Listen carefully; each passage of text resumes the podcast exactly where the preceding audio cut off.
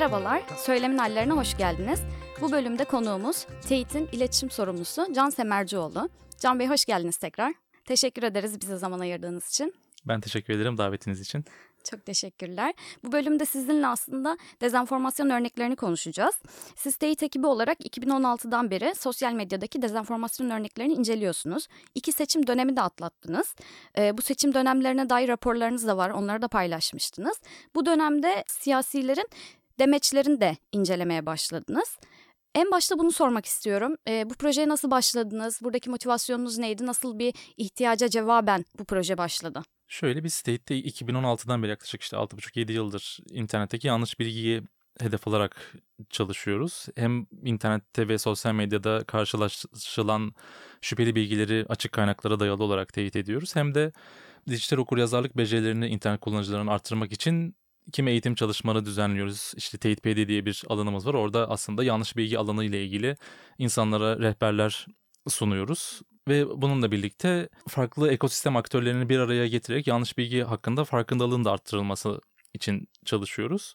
İşin siyasetçi demeci tarafına gelecek olursak aslında kurulduğumuz günden beri siyaset ve siyasetçi demeçlerini inceliyorduk. Ancak bu sefer yaptığımız işin ağırlığını biraz oraya kaydırdığımızı söyleyebilirim her şeyden önce ve bunu yaparken de teyitli bizim mevcut uyguladığımız metodolojinin biraz dışına çıkarak ayrı bir metodoloji çıkarmış olduk. Aslında bu siyasetçi demeçlerindeki en ayırıcı nokta. Bunu yaparken ki en temel amacımız aslında seçim döneminde siyasetçiler işte televizyonlara çok fazla çıkıyorlar. Her akşam bir siyasetçi bir televizyon programında 4 saat 5 saat konuşuyor. Çok fazla iddia dile getiriyor. Sosyal medyada videolar yayınlanıyor.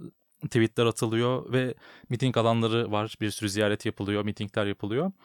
Bütün bu, bütün bunlarda aslında siyasetçilerden insanlara doğru akan bir enformasyon bombardımanı anlamına geliyor.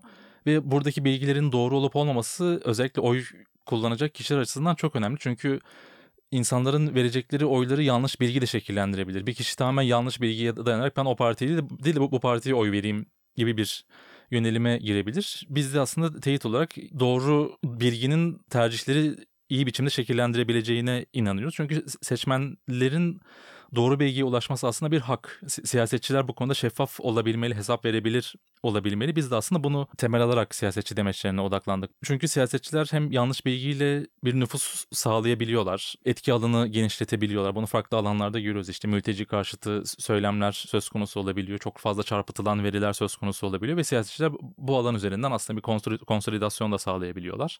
Ve yanlış bilgi aslında bütün bir seçmen davranışını şekillendirebiliyor. Bu da bir oy tercihlerini etkileyebiliyor ve aslında çok daha geniş ölçekte baktığımızda bütün bir geleceğimizi siyasetçinin demeçlerindeki yanlış bilgiler belirleyebiliyor.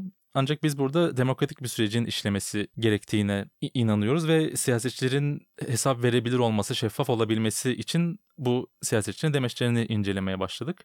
Şimdiye kadar yanılmıyorsam 30'u aşkın siyasetçinin demecini incelemiş bulunduk. Bunu yaparken de dediğim gibi bir metodoloji değişikliği yaptık. Hem Türkiye'den hem yurt dışından uzmanlarla birlikte yaptık ve siyasetçilerin demeçlerini sadece doğru ve yanlış dediğimiz bir yere oturtmadık. İşte uydurma, çarp çarpıtma gibi belirli kategoriler koyduk. Çünkü sadece siyasetçinin işte 3 saatlik konuşmasındaki bir bölümdeki kısmı alıp doğru ya da yanlış demek kullanıcılar için internetteki audience için yeterli olmayabilir. O yüzden biz de biraz daha bağlamı anlatalım. Biraz da içinde bulunduğu genel çerçeveyi çizmek için bir metodoloji değişikliği yapmış olduk. Evet, kesinlikle buna da geleceğim aslında ilerleyen dakikalarda. Ama önce şunu sormak istiyorum. Yani bu dönemde riskli bir dönemdeyiz. Seçim süresince siz birçok örnekle karşılaşıyorsunuz. Ee, yanlış bilgi dediğimizde de ya da dezenformasyon dediğimizde de çok üst bir başlıkmış gibi aslında. Hani biz söylemin hallerinin ilk bölümünde de tanımları biraz yapmaya çalışmıştık ama belki sizden de duysak e, ve tanımlara göre de siz daha çok ne gibi örneklerle karşılaşıyorsunuz? Onu aslında dinlesek iyi olabilir.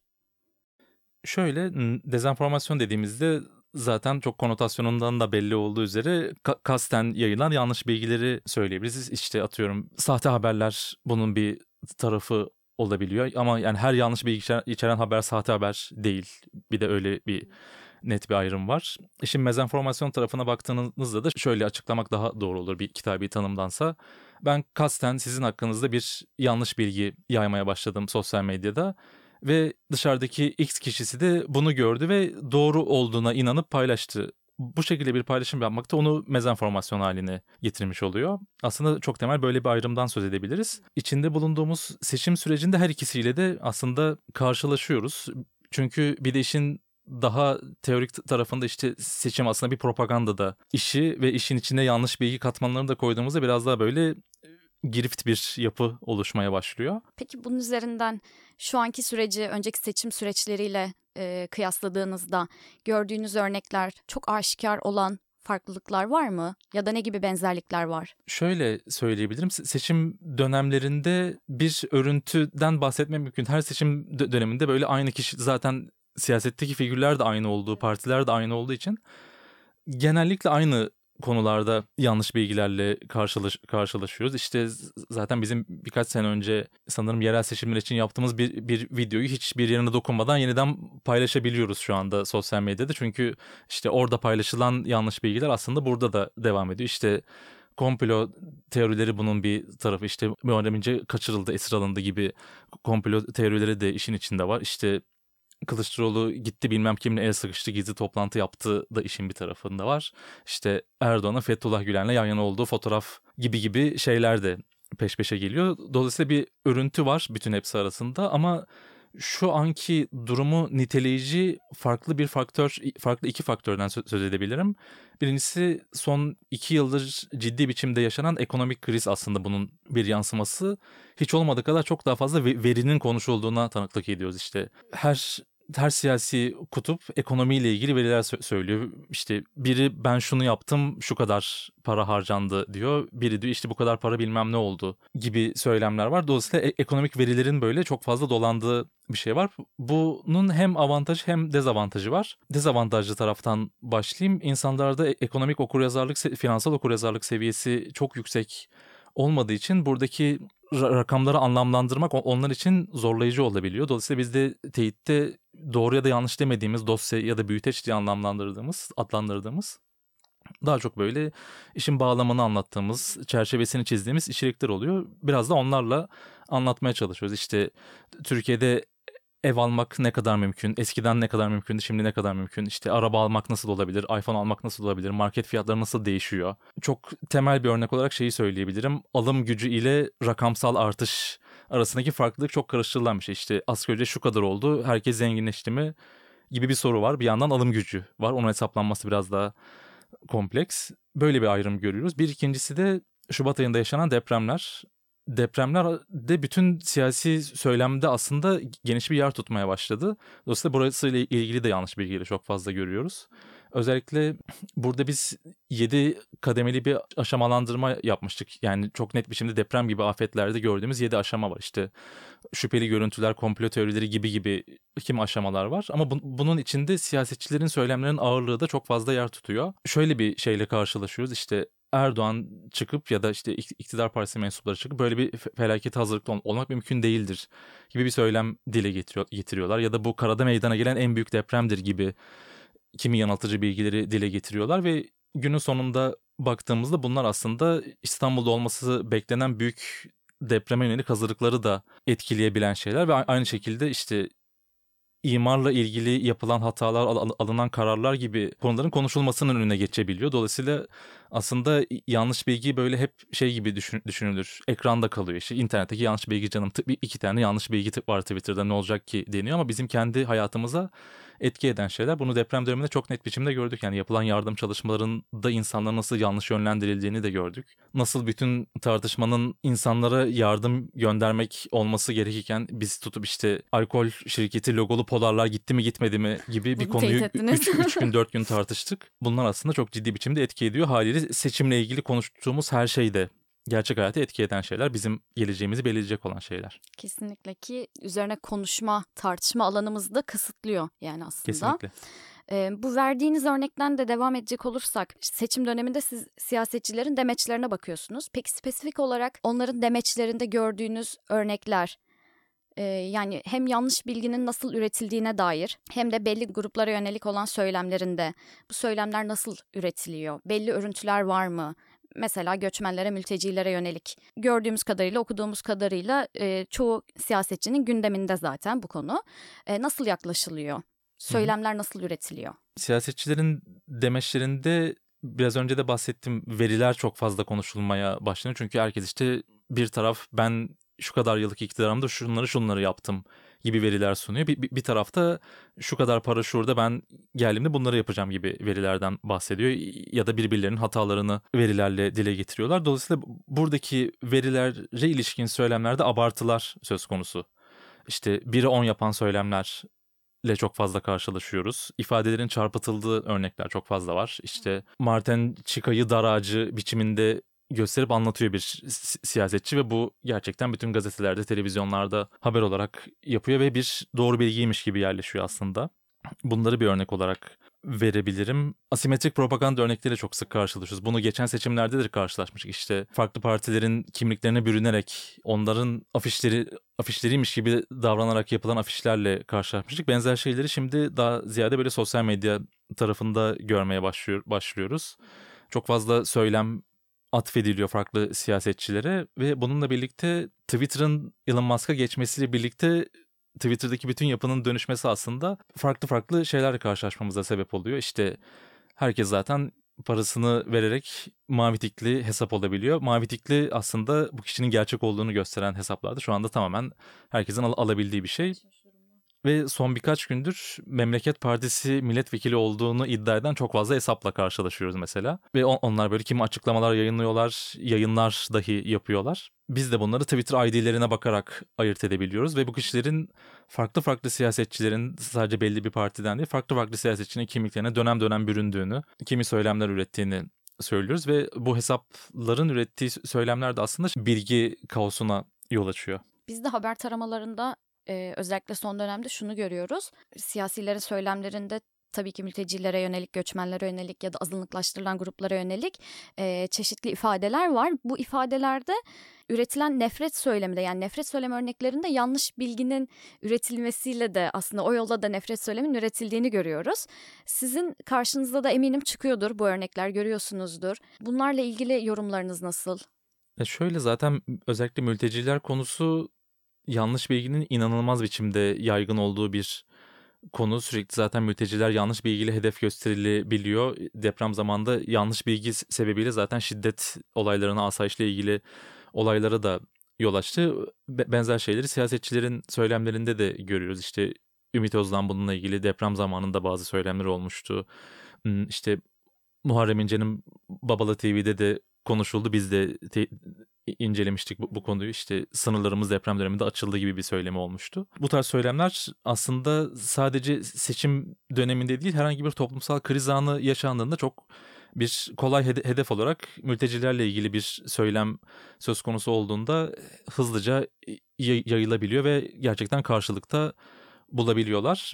Bunun en herhalde olumsuz yanı gerçekten bu bilginin ekranda kalmaması ve doğrudan kimi şiddet olaylarını körüklemesi, toplumda kutuplaştırmayı arttırması gibi sonuçlara yol açıyor. Karşılaştığınız birçok örneği aslında teyitliyorsunuz, paylaşıyorsunuz da bu örnekleri. Teyitleme sürecinizi de aslında merak ediyoruz. Yani bu süreçte doğru bilgiye erişim nasıl? Sizin açınızdan o süreç nasıl yürüyor? Ne kadar kolay? Her konuda e, ya da her bilginin teyitlenmesi kısmında aynı derecede kolay olmayabilir. İlgili kurumların, kişilerin yeteri kadar şeffaf olduğunu düşünüyor musunuz? Ya da siz bir bilgiyi teyitlediğinizde, hayır bu böyle değildi, böyle dediğinizde sorumlulardan herhangi bir dönüş alıyor musunuz mesela? Size gelen cevaplar oluyor mu? Şöyle işin biz nasıl yapıyoruz tarafından başlayayım. Bizim aslında çok net ve açık bir metodolojimiz var. Onun üzerinden ilerliyoruz. Öncelikle zaten hem kendi ekibimiz internetteki şüpheli bilgileri ellerimizdeki araçlarla bu herkesin kullanabileceği türde araçlar oluyor zaten. Bunlarla tarıyoruz. Bunun dışında bizi takip eden yaklaşık 1,5 milyona yakın kullanıcı bize her gün yüzlerce mesaj gönderiyor. Bu doğru mu? Bakabilir misiniz diye. Onlar bizim için bir data oluşturuyor ki insanlar gerçekten hangi bilgilerden şüphe ediyor doğru olup olmadığından. Bunu böldüm affedersiniz. Yok, bu da çok kıymetli. Evet evet bu bizim için gerçekten önemli bir avantaj. Gerçekten insanların neyden şüphe edip etmediğini çok verilere dayalı olarak da görme imkanı sağlıyor bize.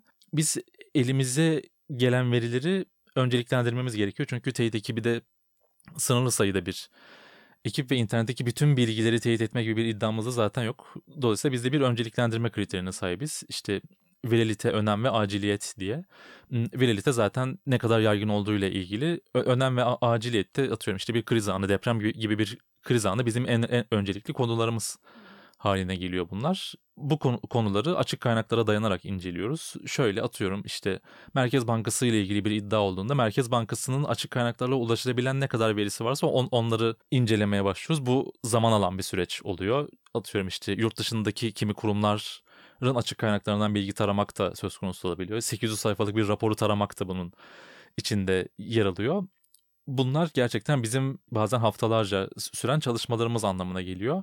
Ama bir yandan da işte bir olayla ilgili eski tarihli bir görüntü paylaşıldığında sadece 2-3 tık ile o görüntünün hangi tarihten olduğunu bulmamız mümkün olabiliyor. Dolayısıyla bunun arasında yanlış bilgi tek bir yolla ve şu şekilde teyit edilir gibi bir şey söz konusu değil. Çok fazla araç var herkesin kullanabileceği. Ama şu, şunu söyleyebilirim. İnternet kullanıcıları internette karşılaştıkları şeylere özellikle seçim gibi kriz dönemlerinde biraz daha şüpheyle yaklaşırlarsa, farklı kaynaklardan karşılaştırabilirlerse on, onları yanlış bilgi tuzağına düşme konusunda bir adım öne geçirebiliyor. Bir de işin orijinal kaynaklara bakma tarafı var. Atıyorum siz kurduğunuz bir cümle olduğu söylenen bir cümle dolanıyor Twitter'da ve sizin Twitter hesabınızda yayınlandığı söyleniyor. Gidip benim Twitter hesabımdan kontrol etmek yerine sizin hesabınıza bakıp onun sizin söyleyip söylemediğinizi aslında kontrol etmeleri mümkün. Atıyorum işte arşiv sitelerini kullanarak geçmişte böyle bir paylaşımların yapılıp yapılmadığını anlamak mümkün. Çokça karşılaşılan örneklerin içinde aslında yine bizim de haber taramalarında karşılaştığımız sıkça karşılaşılan doğru bilinen yanlışlar başlığıyla da defalarca paylaşılan özellikle göçmenlere, mültecilere yönelik belli konular var. Bu konular üzerinden farklı dönemlerde işte deprem dönemi bir örnekti buna. O dönemde yine belirli konular üzerinden e, yanlış bilgi üretildi, paylaşıldı. Hatta bunun çok ciddi sonuçları da oldu. Biz bunu gördük. Bunun e, ya da bu gibi bilgilerin üretilmesi, dolaşıma sokulması ile ilgili gözlemlediğiniz herhangi bir değişiklik var mı? Ya da yani bu kadar paylaşılmasına rağmen doğrusu budur diye bu kadar e, farklı yanlışların düzeltilmesine rağmen bu vatandaşlık konusunda, oy kullanma konusunda gibi gibi hani çoğaltabiliriz. Etkisi nasıl aynı derecede mi devam ediyor? Şöyle bir örnek verebilirim. Birkaç sene önce Twitter özelinde yapılan bir araştırma yanlış bilginin Twitter'da doğru bilgiye göre yaklaşık 5 ya da 6 kat daha hızlı yayıldığını gösteriyor. Dolayısıyla bu şey için de geçerli. Mülteciler hakkındaki söylemler için de geçerli. İşte siz de bahsettiniz zaten. İşte önüne gelene vatandaşlık veriyorlar, şu kadar maaş bağlıyorlar, işte her yere bedava gidiyorlar gibi çok böyle yaygın ve doğruluğu da bulunmayan kimi söylemler neredeyse her toplumsal krizde alakalı olsun alakası olsun her toplumsal krizde karşılaştığımız yanlış bilgiler oluyor. Evet doğrularını biz de teyit olarak defalarca ortaya koyduk ama yine buna rağmen hem seçim döneminde siyasetçiler tarafında bunu görüyoruz hem de genel olarak sosyal medyada yaygınlaştığını görüyoruz. Burada bu, bu söylemler yanlış olmalarına rağmen yer, yerleşikleşmiş durumda. Her ne kadar açık kaynaklarla bunların doğru olmadığı anlatılsa da ve er, erişilebilir olsa da burada aslında biraz daha insanların elde politik tercihleri, arka planları ve siyaseten gitmek istedikleri nokta belirleyici oluyor. Evet. Yani siz de bir doğrulama platformu olarak aslında bu konuda elinizden gelen çabayı gösteriyorsunuz. Ama belki etki alanı açısından da yani siyasilerin de demeçlerinde yanlış bilgilere yine yer vermeleri, işte sizin de paylaştığınız, teyitlediğiniz bilgileri doğru haliyle belki duyurmamaları o da etkili oluyor belki de. Yani söyleyen kişinin işte etki alanına göre aslında o bilginin kalıcılığı, eriştiği kişi sayısı arttığı için belki o da etkili oluyor. Evet gerçekten oluyor. Şöyle bir örnek vereyim burada da. Biz işte bahsettiğim 30'u aşkın siyasetçi demecini inceledik. İşte kimilerinde doğru olan yanlar var ama çoğunlukla yanıltıcı bilgiler içeriyor bunlar ve biz şöyle bir sistem yaptık web sitemizde. Siyasetçi uyar butonu diye bir butonumuz var. İnsanlar bu butona tıkladıkları zaman Twitter hesaplarında işte ilgili siyasetçi her kimse yanıltıcı bilgiyi paylaşan düzeltmesini rica eden bir mesaj gönderiyor buna ve bizim de yüzlerce kullanıcımız bunu kullanıyor. Ama bugüne kadar yanlış bilgi vermeyeyim ama sanırım sadece Barış Atay ya ben yanıltıcı bir, bir, bir bilgi verdim özür dilerim diye bir mesaj yayınladı. Bunun dışında hiçbir siyasetçi kusura bakmayın ben burada yanıltıcı bilgi verdim gibi bir söylemde bulunmadı Biz, bizim de aslında siyasetçi demeçlerini incelerken ki amacımız tam da buydu. Ya, yanlış bilgi veren biri varsa bunu düzeltsin. Bunun özrünü de dilesin ve şeffaflık sağlasın. Ama bu sadece siyasetçilerle ilgili bir problem de değil. Medya tarafında da böyle. Biz de medya kuruluşlarıyla hem kendimiz temas kurduğumuzda hem de daha genel bir perspektiften aslında bir medya kuruluşunda olması gereken şey bir yanlış yapıldığında bir özür ve düzeltme politikasının olması bunun işletilebiliyor olması. Ancak bizim bugüne kadar teyit ettiğimiz işte 3000 küsür şüpheli bilgiyi yayınlayan her 10 haber sitesinden yaklaşık 7'si bunları düzeltmiş değil. %17, %18 gibi bir oran söz konusu. Sadece işte 5 haber sitesinden neredeyse biri ben hata yaptım deyip düzeltiyor ve bunu okurlarına açıklayanların oranı çok çok daha düşük artık yani binde birlik gibi bir orandan bahsedebiliriz. Dolayısıyla burada siyasetçileri konuşuyoruz ama bir yandan da işin medya tarafı da söz konusu. Çünkü bir siyasetçi yanlış bir bilgi verdiğinde medya kuruluşları da bunu bir teyit mekanizmasından geçirmediği zaman ya da teyit gibi platformları in- inceleyip haberleştirmediği takdirde onlar da sadece siyasetçinin verdiği yanlış bilgiye mikrofon tutmuş, onun sesini yaygınlaştırmış bir şeye dönüşmüş oluyor. Dolayısıyla burada seçim özelinde yanlış bilgi ve bunun yaygınlığı söz konusu olduğunda böyle sorumlu olan aslında birden fazla aktör olduğunu söylemek mümkün. Teyitleme çalışmasına devam ediyorsunuz. E, kontrol ediyorsunuz karşılaşılan bilgileri, yaygınlaşan, sıkça görülen bilgileri özellikle. Siz bunları yaptıktan sonra ya da işte az önce internet haber sitelerine örnek verdiniz mesela. E, çok düşük bir oran ama herhangi bir farklılık var mı? Önceki seçim süreçlerinde çok daha kötüydü. Bu seçim sürecinde oran düşük olsa da daha iyiyiz ya da aldığınız bir geri bildirim mesela gelişme diyebileceğimiz herhangi bir adım var mı? E şöyle bu oran sanırım geçen sene yan, yani Habersel'in yaptığı bilgi düzeltme oranı geçen sene %13-15 seviyelerindeydi. Şu anda %18'e geldik. Bu kadarlık bir ilerleme söz konusu. Bir yandan medya kuruluşlarına biz her ne kadar bunu söylesek de farklı biçimlerde bunu anlatmaya çalışsak da medya kuruluşlarının da aslında buna istekli olması gerekiyor ama bu apayrı bir tartışma konusu. Çünkü medyanın içinde bulunduğu ekonomik, siyasi, toplumsal durum onları çok daha farklı bir yere itiyor. Çok daha fazla haber yapalım çünkü gelir edilebilecek tek bir nokta olarak oraya sıkıştırılmış durumdalar. Çok daha fazla üretim ve çok hızlı üretim hiçbir teyit mekanizması olmadan yapılan haber üretimi yanlışları da beraberinde getiriyor. Yani orada da çok farklı problemler var aslında. Medya demişken bir de sosyal medya şirketlerinin de tabii ki rolü var. Yani nefret söyleminin, ayrımcı söylemin, e, dezenformasyonun önlenmesinde, bu bilgilerin yaygınlaşmasını önleme kısmında sosyal medya şirketlerine büyük bir rol düşüyor. Biz bunu farklı konu başlıkları altında aslında sürekli hatırlatıyoruz. Buradaki çalışmalarla ilgili, yapılan çalışmalarla ilgili neler söyleyebilirsiniz? Yani bir seçim operasyon merkezi kurulduğunu biliyoruz. E, neler yapılıyor hazırlık aşamasında? Bizim taraftan biraz anlatayım. Biz Meta ile birkaç yıldır yaklaşık 4 ya da 5 yıl olması lazım. Üçüncü, üçüncü taraf doğrulama partneriyiz. Meta'nın platformlarında işte Facebook, Instagram, WhatsApp gibi platformlarda yaygın biçimde yanlış olduğunu tespit ettiğimiz içerikler olduğu zaman ve biz bunları eğer te- teyit etmişsek Meta buradaki platformlarda yanlış bilgi içeren paylaşımların erişimini düşürüyor ve insanın önüne daha az düşmesini sağlıyor. Bunun yanında bizim benzer bir partnerliğimiz 2020'den beri TikTok'la da söz konusu. TikTok'ta da işte yanlış bilgi içeren videolar olduğu zaman bunlar insanların önüne daha az çıkması sağlanıyor. Bizim şu anda böyle bir işlevimiz var. Meta'nın ve sosyal medya platformlarının yanlış bilgiye karşı attığı adımlardan biri aslında bu. Üçüncü parti doğrulama kuruluşlarıyla yapılan işbirliği.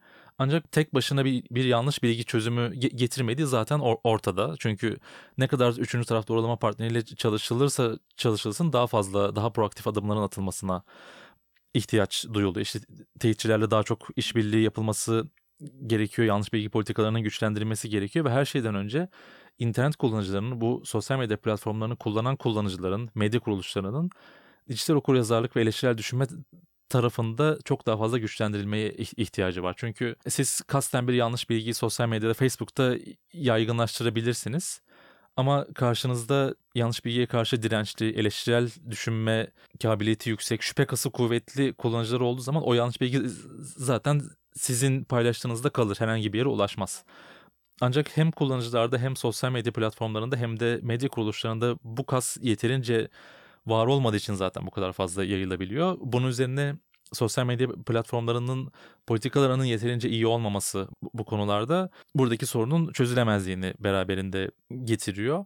Zaten sanırım ya geçtiğimiz sene ya da bir önceki sene dünyadaki doğrulama kuruluşları, teyit kuruluş, kuruluşları YouTube'a bir mektup yazarak açık açık şeyi söyledik. Yani sizin bu alandaki politikanızda bir adım atmanız gerekiyor diye ve altından çok sular akmasına rağmen herhangi bir somut aksiyonda alınmadığını görüyoruz.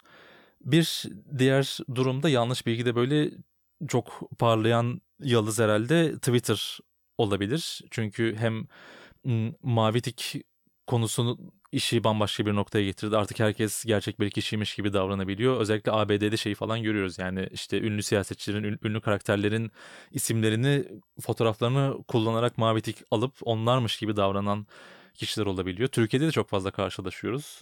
Biz birisi çok sanatçının siyasi ve çok agresif siyasi açıklamalarımış gibi görüyoruz. Ancak bunlar böyle tamamen farklı kişileri taklit eden hesaplar. Bu çok temel bir problem.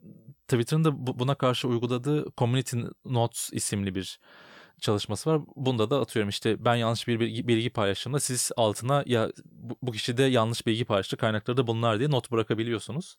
Biz teyit olarak çok çabaladık deprem döneminde bu özelliğin Türkiye'de de açılması için. Çünkü Türkiye'de yok hala. Ancak bütün çabalarımıza rağmen Twitter bununla ilgili herhangi bir adım atmadı ve yanlış bilginin biraz daha yayılmasının önü açılmış oldu aslında böyle. Twitter'ın geçirdiği dönüşüm de hani gözlemlediğimiz kadarıyla çok büyük ve tehlikeli bir yere doğru da gidiyor. O zaman toparlayacak olursak aslında özellikle seçim gibi e, yanlış bilgiyle çok daha fazla karşılaşabileceğimiz dönemlerde hepimize farklı farklı sorumluluklar düşüyor. En başta yapabileceklerimizden biri de aslında karşılaştığımız her bilgide, her haberde bir adım geri çekilip habere, bilgiye bakmak, tekrar frene basmamız lazım evet. sadece. çok daha iyi oldu. Çünkü yani yanlış bilgiyle kurduğumuz ilişki aslında çok rasyonel de bir ilişki değil. Çok çarpıcı bir şeyle karşılaştığımız zaman duygusal olarak buna tepki veriyoruz ve paylaşma e, eğiliminde oluyoruz aslında. Daha heyecanlı geliyor sanki. Evet daha heyecanlı, daha çarpıcı çünkü gerçekten ins- insanı cezbeden bir tarafı var yanlış bilginin. Bu yapılan çalışmalarda da ortaya konan bir şey. Dolayısıyla biraz frene basmak, bütün panik du- duygularımızı bir kenara bırakarak biraz daha rasyonel bir gözle bakmak.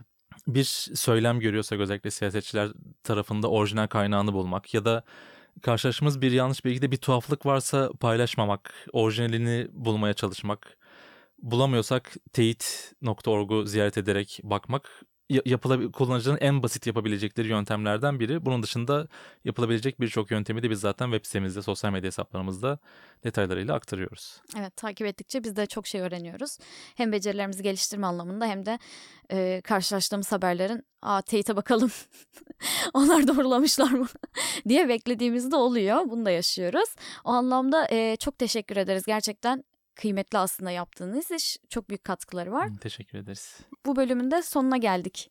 Çok teşekkürler beni davet ettiğiniz için. Biz çok teşekkür ederiz. Çok keyifli bir sohbet oldu bence. Umarım öyledir. Evet benim açımdan da öyle oldu. Çok sağ olun. Bizi dinleyenlere de ayrıca teşekkürler. Herhangi bir sorunuz, yorumunuz, öneriniz, öneriniz olursa da podcast.rantnik.org adresinden bize ulaştırabilirsiniz. Bir sonraki bölümde görüşmek dileğiyle.